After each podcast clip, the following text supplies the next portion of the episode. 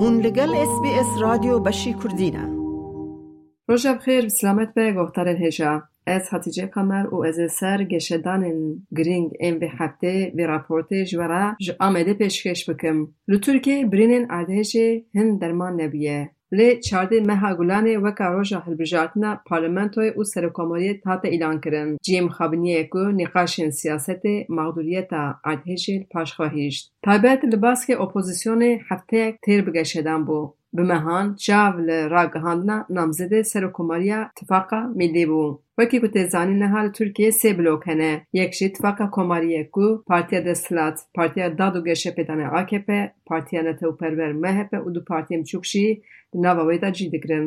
Baska din jî Tifaka Millî ye ku Partiya Geliya Komarî CHP, Partiya Baş İYİ Partî û Partiya Deva, Partiya Paşerojê û Partiya Saadetê Herûsa Demokrat Partî tê de cî dikirin.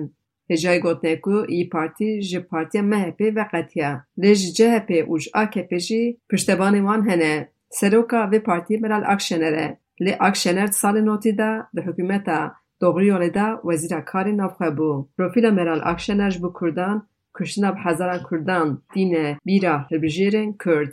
سروکی پارتی دوای علی بابا جانه او وزیر اکنومی یه آکه پی بو. و سال اندریش وزیر دیگر لی پیشتی هوله در بیاد و حضر شازیان Babacan ji Partiya AKP îstifa kir. Partiya Paşerojê jî serokê wê Ahmet Davutoglu ye. Ew jî çar salan serokwezîrê hikûmeta AKP bû. Rêya wan jî bi hewla derbeya du hezar û şazdeyê de ji hev du cuda bû. Saadet jî Partiya Îslamî ku di avakirina rola wan mezin e. Partiya Şeşan jî Demokrat Partiyê ku dengê wan nepire. Ji salek zêdetir e ev şeş partî bi navê Maseya Şeş Alî li ser Tifaka Millî mehê carek civînan dikirin li ser lihevkirina hilbijartinê. Sozawan ew bû dema ku bibin desthilat li Tirkiyeyê sîstema serokatiyê bidawî bikin û vegerin sîstema parlamenteriyê. Ji ber ku ew sîstema seroketiyê sedema bingehîn a hemî pirsgirêkên heyî ê Tirkiyeyê nîşan didin ku dibêjin ev sîstem Tirkiyeyê biriye ber bi. Roja înê li ser navê namzedê Serokkomariyê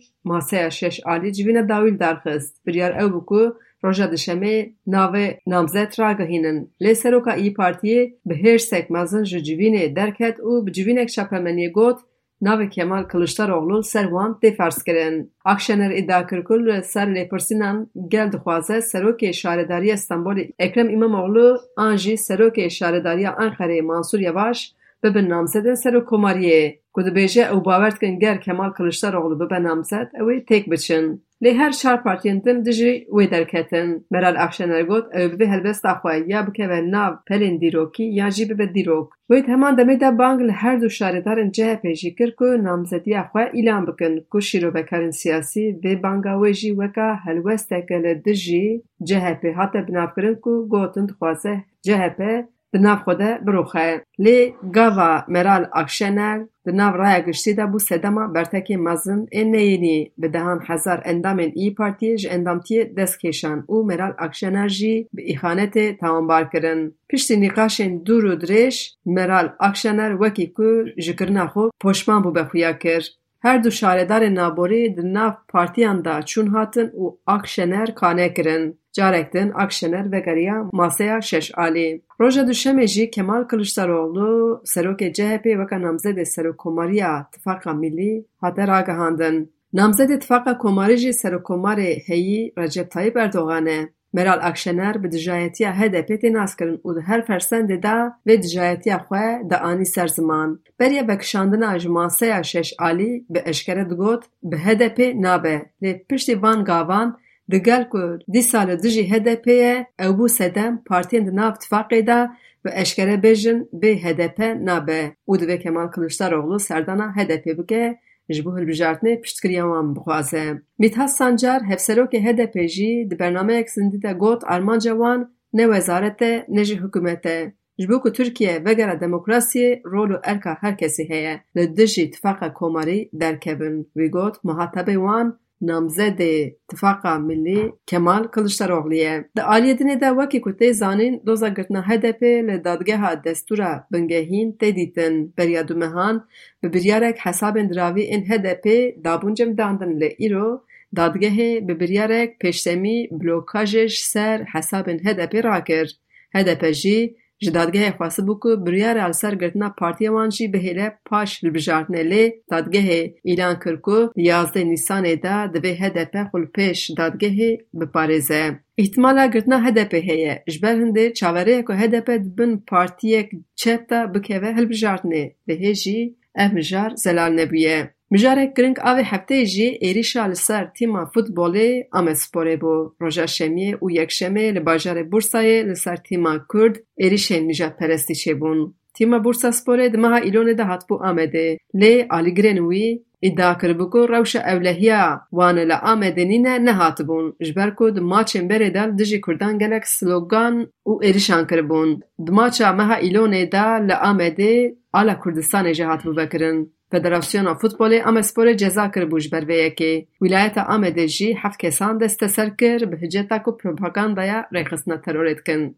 Gelek kes hêviyo bûn ku di maça Bursaspor û Amesporê de alozî çêbin lê êrişek wiha mezin nedihate payîn. Li ber otela ku yarêzanên Amesporê lê diman Ji roja şemiyê heta dawiya maçê êriş û dijûn devam kirin. Li stadyumek kêran, fişekan, şûşeyên avê avêtin sehayê. Yarêzanên Amesporê birîndar bûn. Li trîbûnan jî fotografên sembolên kuştinên salê notî hatin vekirin. Yek jî posterê kujerek Kurda bû ku navî yeşîl e. Ew wekî kujerê rêxistina kontrayî ê temê tê naskirin. Ku bi destê vê rêxistina tarî bi hezaran Kurd di salên notî de hatin qetilkirin û windakirin.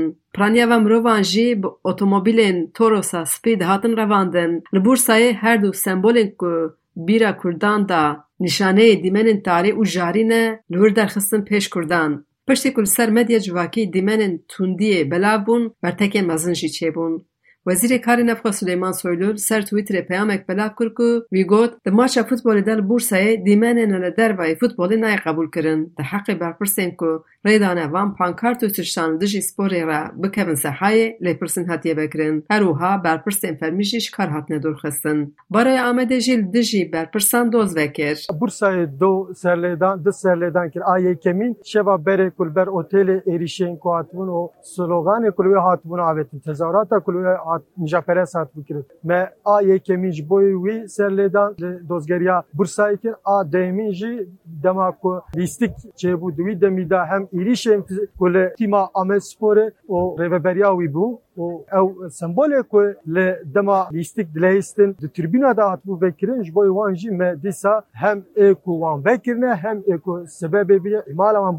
berpirsiyarê wî bajêrê me berheqê wan dajê serlêdan li dozgeriya Bursayê kiriye. Roja duşemê Amed Spor vegeriya Amedê ji aliyê bi hezaran kesan li balefirgehê hatin pêşwazî kirin.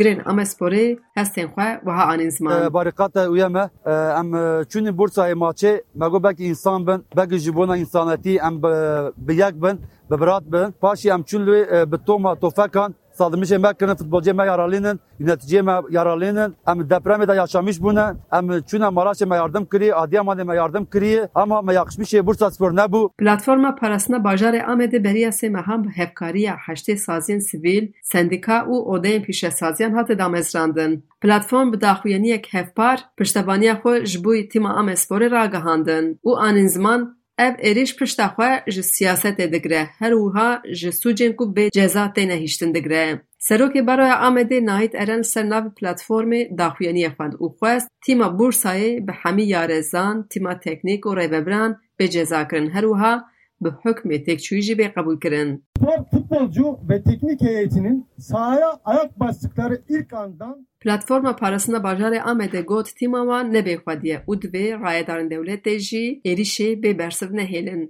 ناهی ترن سروکی برای آمده سر بویری حضرت خواه باها آنی زمان. هنی کیزن نیجان پرس بان ایریشن نیجان پرس سیکن براستی لبر وک گل بورسای ها دیتن کیزن اولیه دولتی. Hêzên ewlehiyê dewletê. Bi rastî ne tedbîrek standine ne ku ji bo van tişta van biyara biqewimin tedbîrek nestandine. Ji ber wî îro jî me daxuyana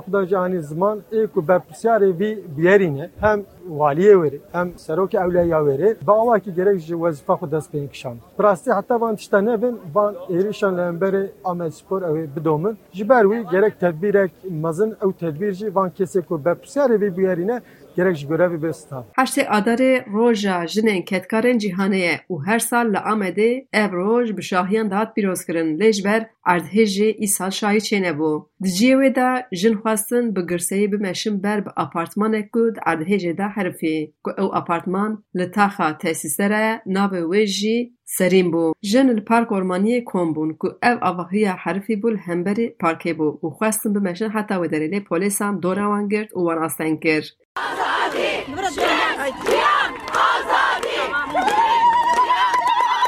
Biz Mart'ın e, son programı olan yürüyüşümüzü Park Ormanı'nda toplanıp Ahmet'te pek çok... Hevseroka hedepa Amedê Gulistan ata soyda zanî ev meş bernama dawîn a heştê Adarê ye û beriya çend rojan li Amedê bi kamyonan alîkarî birin ji bo jinên Semsûrê. Wê got li xwestin ku li ber avahiya herifê qurbaniyên erdhêjê bi bêr bînin, bi awaya kêfîtên asten kirin. Her wiha anîzman ew desthilatiya ku hêza xwe ji bo rizgarkirina mirovan ji bin kavilan rizgar bike bi kar neanî îro wê hêzê ser jinan tîne ku ew jin dixwazin qurbaniyan bi bêr bînin. Em hatin vê dera em bi xengînî هم روز هشت هزار هم دکن و انسان ملوه داره و دایی کنه دور مرتزی پولیس و اونزی دو زانن از آتیجه کامر به راپورتی لسر گشدان داوی ایو هفته ج آمده جبوی گفتار پشکا کرده آ رادیو اس بی اس آماده کر لایک بکه پاره و بکه تیبنی آخوا بنفسینا اس بی اس کردی لسر فیسبوک